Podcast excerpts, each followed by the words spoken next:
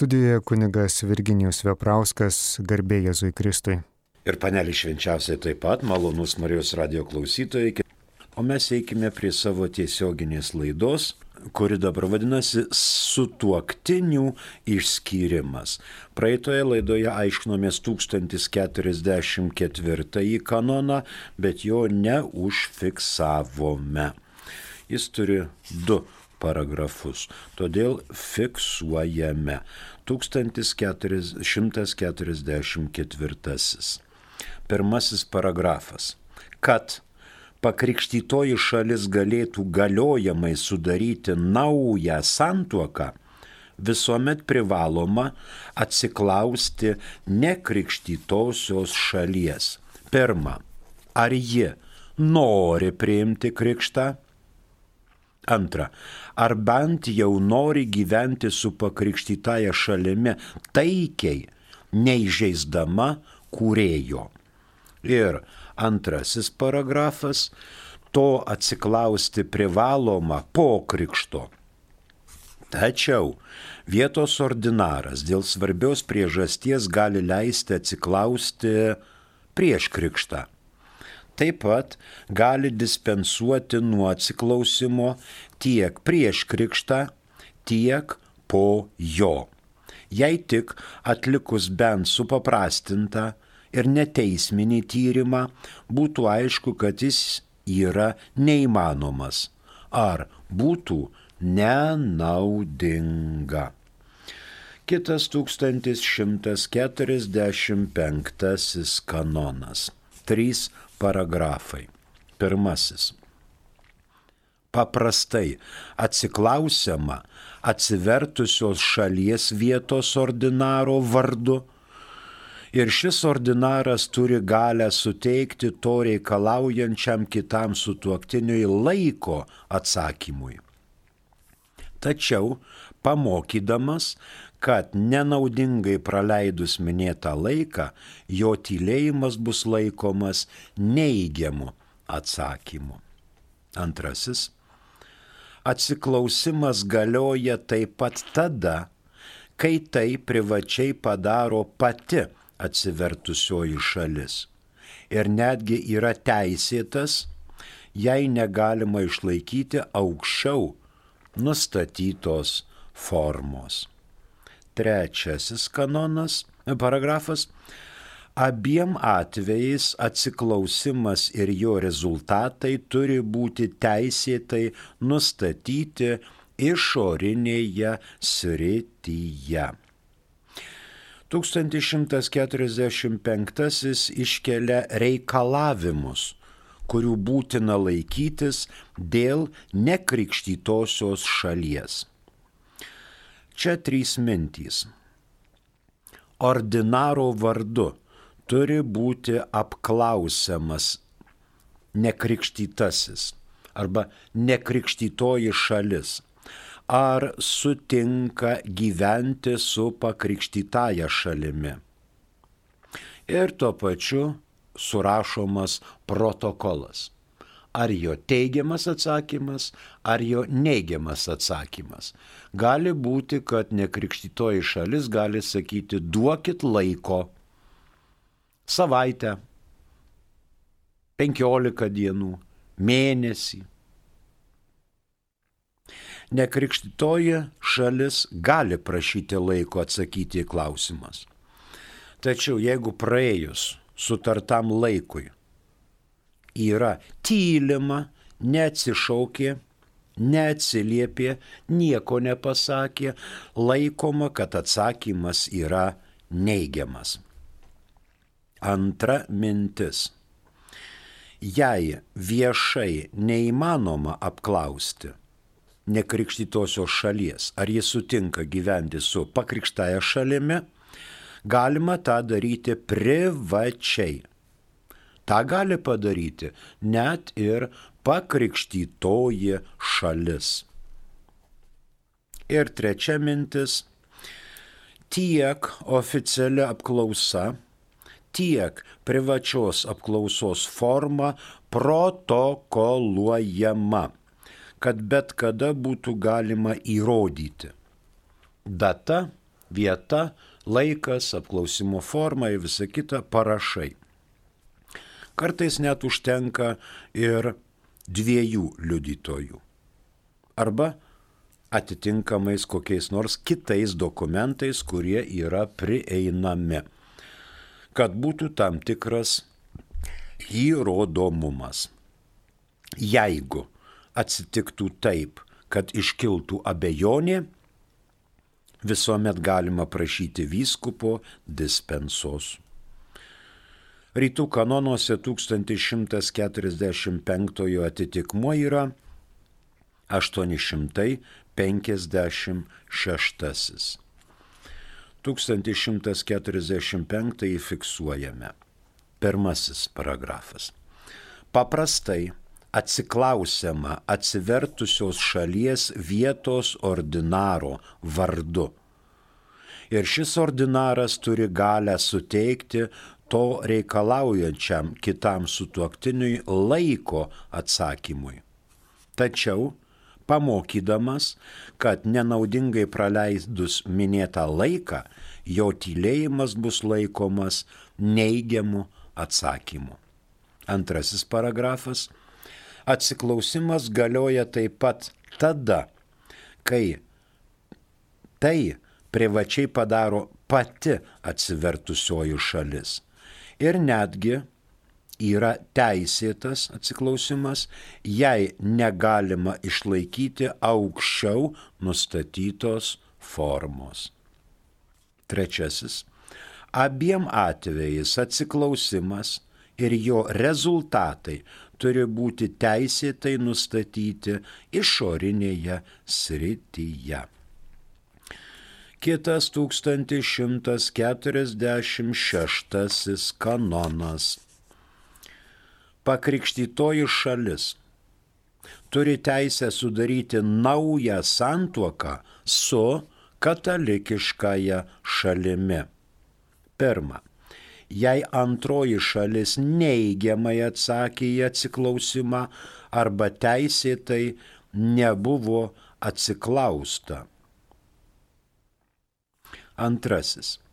Jei nekrikštytoji šalis, nesvarbu ar jos buvo atsiklausta ar ne, prieš tai taikiai gyvenusi kartu neižeisdama kūrėjo, vėliau atsisakė be pateisinamos priežasties, liekant galioti 1144 ir 1145 kanonams.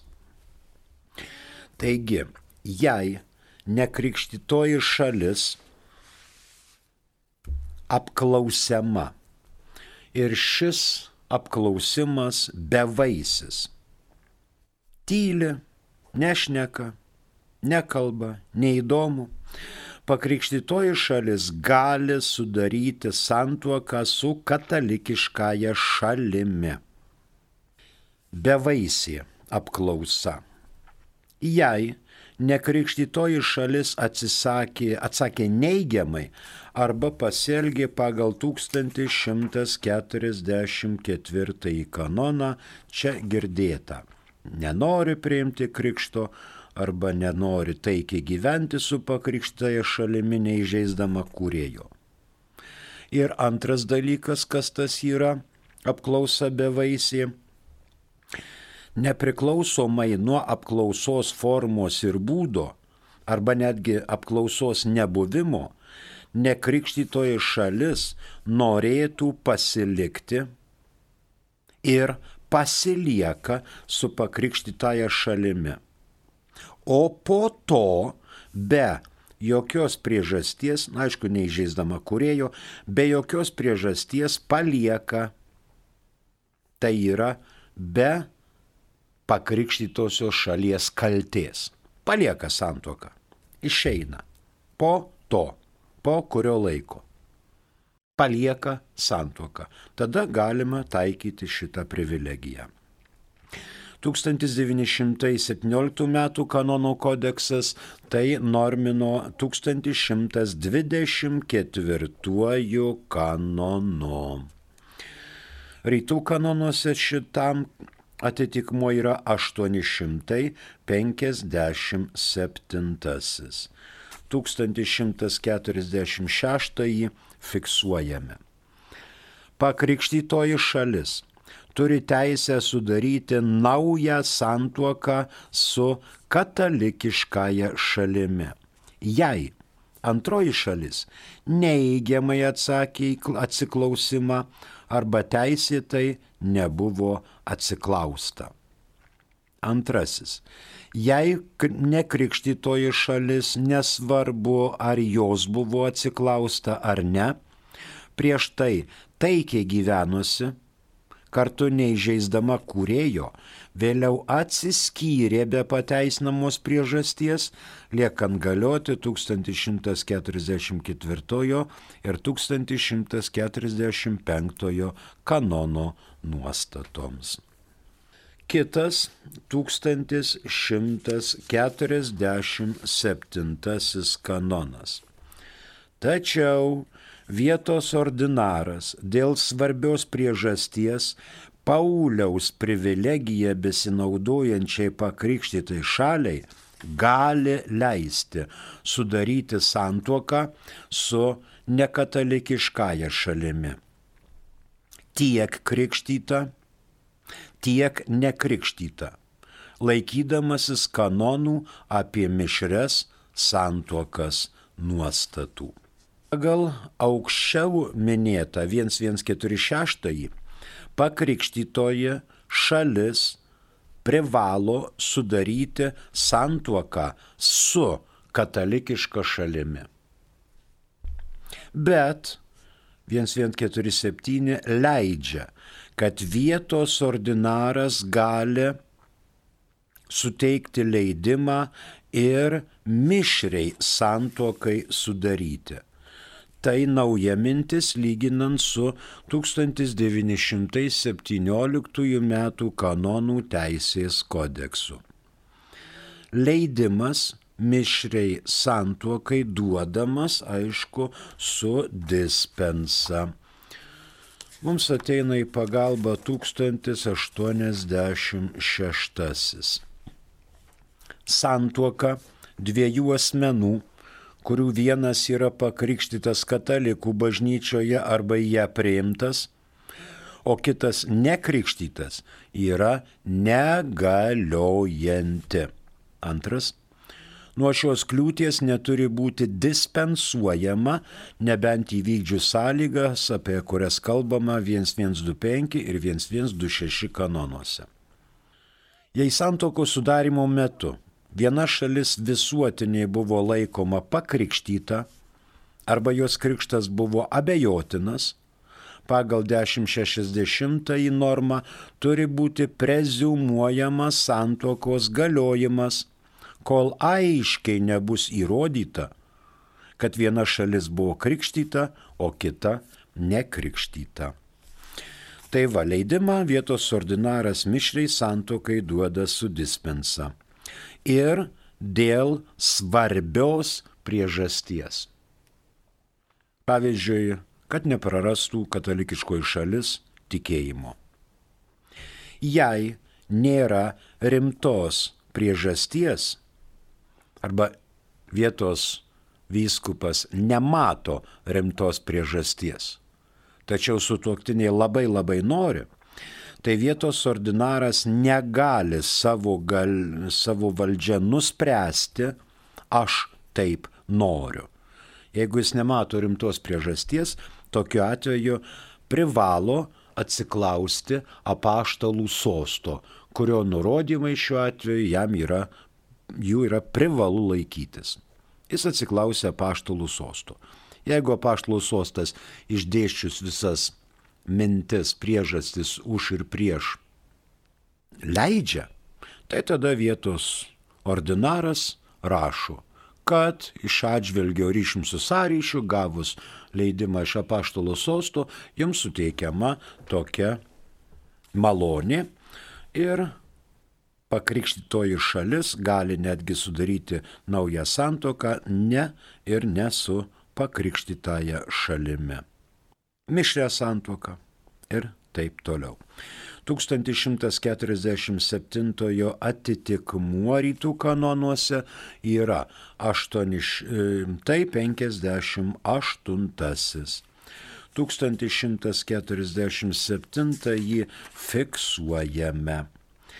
Tačiau vietos ordinaras dėl svarbios priežasties Pauliaus privilegiją besinaudojančiai pakrikštytai šaliai gali leisti sudaryti santuoką su nekatalikiškąją šalimi tiek krikštyta, tiek nekrikštyta, laikydamasis kanonų apie mišrės santuokas nuostatų. Mus pasiekė žinutė. Kodėl sakoma kartais šventasis raštas, o kartais Biblija? Sinonimai. Tai yra sinonimai. Šventasis raštas tai ir yra šventasis raštas, kuris suprantamas kaip visa, visas šventas raštas. Ir Senas testamentas, ir Naujas testamentas. Seno testamento yra 45 knygos, naujo 27. Tai vad 72. Tai vad ir senas ir naujas sudaro visą šventą raštą. Kadangi mes neturim kito švento rašto, kaip šį dėl to ir vadiname. O Biblija gal kiek ir trumpiau, bet tai yra sinonimas, nes tai yra taip vadinama knyga. Biblos yra knyga iš graikų kalbos. Kokia dar gali būti knyga, jeigu tik ne šita, kurią parašė Dievo įkvėpti žmonės, ir perdavė žmonijai. Ir seną, ir naują testamentą. Beje, naujo testamento Jėzus neįsakė užrašinėti. Nebuvo tokio įsakymo iš Jėzaus pusės, kad rašykit visas citatas, ką aš esu jums pasakęs, cituokite. Jėzus perdavė tikėjimą. Ir pirmam amžiui parašyta, e, parašytas naujas testamentas buvo, tai neseno perrašymas, tai yra priminimas viso to. Pavyzdžiui, kad ir tas pats Paulius rašydamas laiškus niekad netikėjau, kad jo laiškai pateks į naujo testamento kanoną. O pasirodo, pateko. Pavyzdžiui, pirmas laiškas korintiečiams, po to eina antras laiškas korintiečiams. Tačiau tarp pirmo ir antro laiško korintiečiams dar buvo taip vadinamas ašarų laiškas, kuris neišliko iki mūsų dienų. Gal dar kas nors jį atras arba nuotrupas atras, tačiau tai dar buvo irgi parašytas. Bet jis neišliko. Kodėl? Neaišku ir daug tokių dalykų. Apokrifų daug išliko, tačiau bažnyčia nekanonizavo kitų dalykų. O čia tik tai pasiliko va tiek, kiek mes turime. Ir visas šventas raštas vadinamas Biblija. Ačiū, primenu, kad klausoties laidą aktualieji bažnytinės teisės klausimai. Kitas kanonas 1148. Trys paragrafai. Nekrikštytasis, kuris vienu metu turi kelias nekrikštytas žmonas. Prieimęs krikštą katalikų bažnyčioje, jei jam būtų sunku pasilikti su pirmąja žmona, gali pasilikti vieną iš jų kitas atleidęs. Tas pats galioja nekrikštytai moteriai, kuri vienu metu turi kelis nekrikštytus vyrus. Antrasis paragrafas - atvejais, apie kuriuos kalbama pirmajame paragrafe, santuoka prieimus krikštą privalo būti sudaryta pagal teisėtą formą. Taip pat, jei būtina, išlaikant nuostatas dėl mišrių santuokų ir kitus teisės reikalavimus. Trečiasis paragrafas vietos ordinaras atsižvelgdamas į moralinės, socialinės ir ekonominės vietos bei asmenų sąlygas turi stebėti, kad būtų pakankamai pasirūpinta pirmosios ir kitų atleistų žmonių poreikiais pagal teisingumo, krikščioniškosios meilės ir prigimtinės lygybės normas. Tai šitas kanonas yra žinoma su trim paragrafais. Romos vyskupas, naudodamasis savo gale, kaip visuotinės bažnyčios vadovo gale, gali suardyti natūralią santuoką tarp dviejų nekrikštytųjų asmenų arba vieno nekrikštyto ir vieno krikštyto asmens. Čia yra taip vadinama Petro privilegija. Čia yra ne tas pats, kas Pauliaus privilegija. Čia gali būti ir be apklausos. Šita mintis kilo jau nuo XVI amžiaus, kai katalikų bažnyčia sparčiai plito misijų kraštuose - Indija, Etijopija, Angola, Brazilija. Ten vyravo ne vien poligamija, bet ir poliandrija. Tai dabar galim pasižiūrėti į tris principus. Paprastai pasilieka, turėtų pasilikti vyras pirmąją žmoną. Nes būna taip, kad paima vieną žmoną, paskui po kelių metų antrą, trečią, ketvirtą ir taip toliau. Tai paprastai pasilieka pasikrikštijus pirmoji žmona. Dabar 83 metų kodeksas leido pasirikti, pasilikti bet kurią. Jeigu pirmąją žmoną pasilikti yra sunku. Antra mintis. Su pasirinktąją moterimi arba žmona sudaro kanoninę santuoką. Jei nekrikštyta ar pakrikštyta nekatalikų bažnyčioje. Taip pat duodama ir, jeigu reikia, dispensa. 1127 kanono antrasis paragrafas.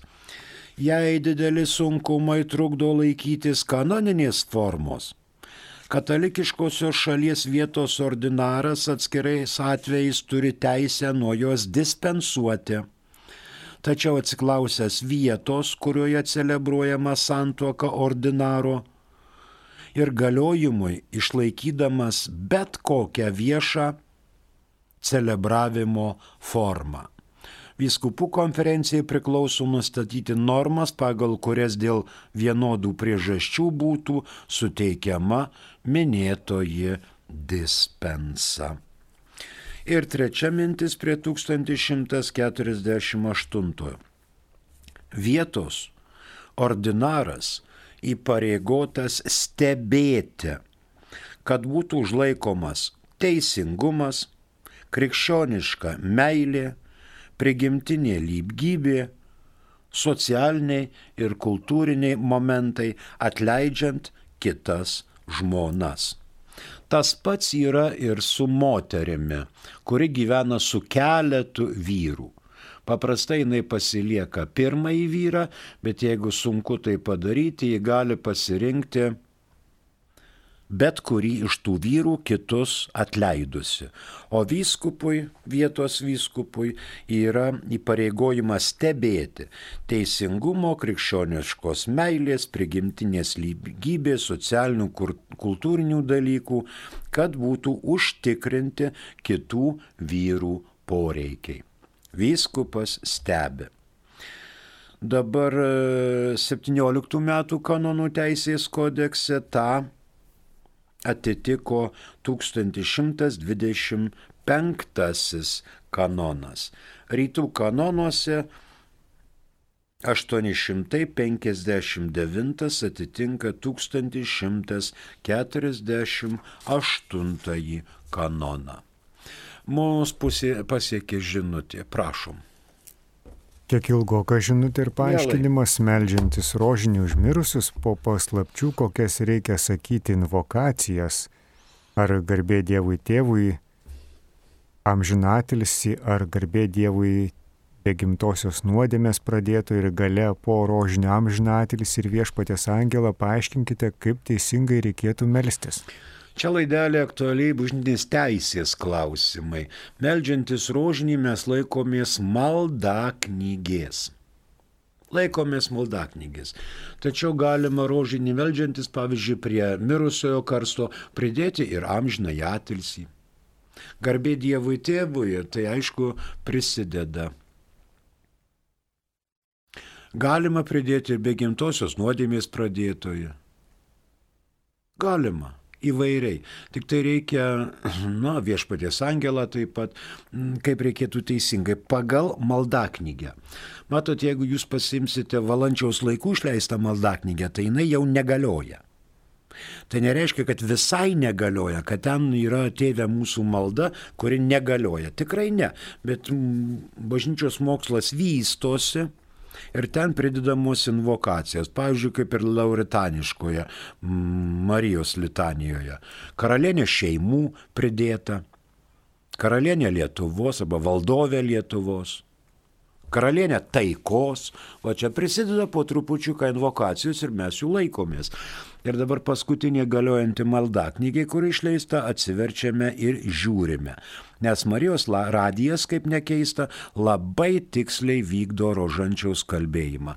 Ir tai mums yra pavyzdys ir etalonas kai susirenka žmonės rožančių kalbėti, pavyzdžiui, užmirusi. Pridėti galima po kiekvienos paslapties amžiną atilsį, papildomai, po begimtosios nuodėmės ir po garbė Dievui tėvui.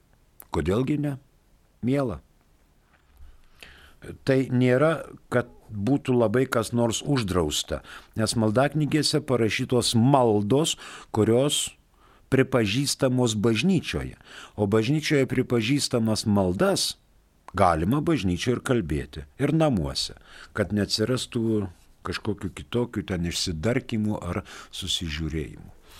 Ačiū. Dar viena žinutė, prašom. Dar vienas ilgas klausimas, Miela. galbūt tik tai esmę galima perteikti. Ne, perskaitykite visą, nes žmogus stengiasi, rašė, raidelės rinko, prašom. Taip, bet eteriui gal ir pakaktų. Aha, nu jeigu eteriui. Tai... Šiek tiek uh, trumpesnio apibūdinimo. Mm. Gėjai reikalauja santokos su ta pačia lytimi. Kaip galima įvardinti tokius konstruktus iš šeimos modelį, jeigu konstruktai nenuspėjami, ten pateikiama mm. ir įvairių tos pačios lyties santokų variacijos. Reikėtų didesnės ir sričių įvairių sričių gydytojų, psichologų, psichiatrų, pedagogų, filosofų, teologų rimtų debatų šiais klausimais, nes dabar vyksta viskas politikų erdvėje. O kas mūsų to paklausė? Rozita. O, kaip gerai. Labas, Rozita, miela. Dabar klausykimės. E, bažnyčia prisilaiko tokios minties, kad Dievas sukūrė Adomą ir Jėvą, bet ne du Adomus ir ne dvi Jėvas. Mes esame pažeisti gimtosios nuodėmės ir jos pasiekmės. Pasiekmių. Tai ne vien mirtis, lyga, skausmas, bet ir kiti dalykai. Bažnyčia tvirtina, kad santoka yra mažiausia lastelė vyro, moters ir vaikų darinys. Nuodėmės pažeistas žmogus dabar jau aktyviau pradeda reikštis ir kiekvienas iš jų e, nori, kad bažnyčia įteisintų vienos lyties santuokas. Santokos bažnyčia tikrai neįteisint vienos lyties, tačiau valstybė nori, kad būtų šeimos. Šeimos, partnerystės įstatymai ir taip toliau. Bažnyčia supranta, kad žmonėm kartais sunku gyventi pavieniui ir jie jungiasi į šeimas. Šeima yra, pavyzdžiui, gyvena motina su sūnum motina su dukra. Tai šeima, tai šeiminiai santykiai. Šeima yra, kai vyras gyvena su dukra, vyras su sūnumi gyvena, šeiminiai santykiai. Taip gali gyventi, žinoma, ir vienos lyties poros. Tai nepriimtina, bet gyvenimas rodo, kad taip yra. Tai dabar ateina tokių porų, pavyzdžiui, iš pažinties. Ar kunigas gali duoti išrišimą? Jeigu žmogus gailis ir atsisako tokių pozicijų, kunigas duoda išrišimą. Jeigu po, reiškia, toks žmogus gyvenantis vienos lyties sąryšyje su kitu tos pačios lyties žmogumi nesigailė arba ir toliau gyvena, tai kunigas negali duoti išrišimo ir tokia, e, tokia pora negali eiti prie šventos komunijos. Tai žala tikėjimo darybei. Tai yra žala. Dabar nepriklausomai nuo to, ar valstybė priims ar nepriims, bažnyčia yra jau pasisakiusi, ne tik tai vyskupų lygmenyje, bet apaštulo sosto lygmenyje, kad taip toliau nebus santuokos laiminamos. Nes matot, santuoka yra vienintelis sakramentas, kurio negali duoti ne tik tai diakonas, kunigas ar vyskupas, bet ir popiežius. Popiežius negali duoti santuokos sakramento. Santuokos sakramentą duoda vyras moteriai, moteris vyrui. Čia nenumatoma dviejų vyrų arba dviejų moterų santuoka. Ir kai ateis tokie žmonės, kurie norės būti krikšto tėvais, labai pamaldus, labai nuostabus, kunigas negalės jiems leisti būti krikšto tėvais, kadangi čia nebus pavyzdžio krikštyjamajam. Kai gimdytojas A ir gimdytojas B, abu du vyrai gyvena kaip santuoka, nors jie gyvena šeimoje. Yra valstybių, kur tai jau yra pripažįstama, bet bažnyčia pasisako už tai, kad santoka yra vyro ir moters sąjunga. Ir santoka, ir šeima. Ačiū, Rozita. Ką dar čia psichologai, psichiatrai, pedagogai reikia kalbėti, reikia šnekėti ir reikia labai labai diskutuoti. Mes negalim pasakyti, kad jūs visi ten svolačiai, eikit po velnių, jūs taip nedarot, šitaip darot. Mes turim taip pat pasižiūrėti į žmogų. Bažnyčia taip pat privalo pasižiūrėti į žmogų. Padėti ištiesti ranką, nesmerkti. Bet reikia diskutuoti, kaip tai atrodys.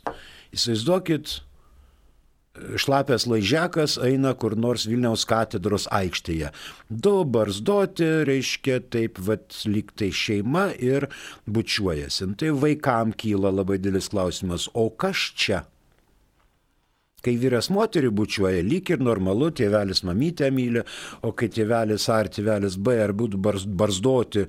Ir tai čia paskui toks, žinot, edukaciniai dalykai va šitie kelia didelių problemų ir karingai nusiteikusios tradicinių šeimų maršo atstovės ir atstovai gali taip vad nesusivaldyti ir ką nors užvošti, ko nežiūrint kokį žodį pasakyti ar ką. Tai dar nelabai priimtina, todėl reikia tikrai gydytojai, psichologai, psichiatrai, pedagogai, įvairių sričių specialistai privalo diskutuoti. Tikrai privalo. Ačiū, Rozita. Na, ką mes dar turime? Nieko neturime. Čia... Ir minutę iki laidos laiko pabaigos. Jo, tai tada mes net nepradėkim 1149, po to kitoje laidoje ais. 1150 ir pabaigsime, separa, pabaigsime su tuoktinių išskirimą ir prieisime prie separacijos kai išlieka ryšys. Ir vėl toliau kalbame apie santoką. Po to į santokos pataisymas. Šitie vieno, vienalyčių santoka tai yra tikrai problematiškas dalykas ir reikia be galo išdiskutuoti. Tik matot, jeigu vieni isteriškai rėks ir trepsės kojomis, kiti pasakys, kad jūs šio kvaili, jūs šia idiotai, jūs nesuprantat nieko, tai nieko ir nebus. Bus visuomenės susipriešinimas. Turime priaukti prie šitų dalykų ir įsiklausyti ne vien tik tai, ką kalba jų šalininkai, bet reikia pasiklausyti, ką mano ne tik katalikų bažnyčia, bet ir pravoslavų bažnyčia, ką mano evangelikai, protestantai, liuteronai, baptistai ir visi kiti. Ką mano, kokia yra doktrina. Ir aišku, reikia dar lygiai grečiai pasižiūrėti, kaip galima padėti. Nepakanka vėl kokioj aikštėje peržegnoti, kad mes jūs čia laiminam ir gyvenkit ramiai. Reikia paruošti visokiam gyvenimui. Ne taip, kad mus palaimino ir mes gyvename. Po mėnesio įsiskyrė ir susirado kitą ir sakys, va dabar vėl mus laimink. Tai pasidarys chaosas. Ačiū Jums, kad Jūs klausotės Marijos radiją. Čia girdite laidą aktualieji bažnytinės teisės klausimai. Laida girdima ketvirtadienį 17.20, baigėsi 18 val. baigėsi mūsų laikas. Ačiū už jūsų klausimus, maloni, malonus klausytojai ir iki kito ketvirtadienio. Prie mikrofono dirbo kunigas Virginijus Veprauskas. Ačiū ir sudie.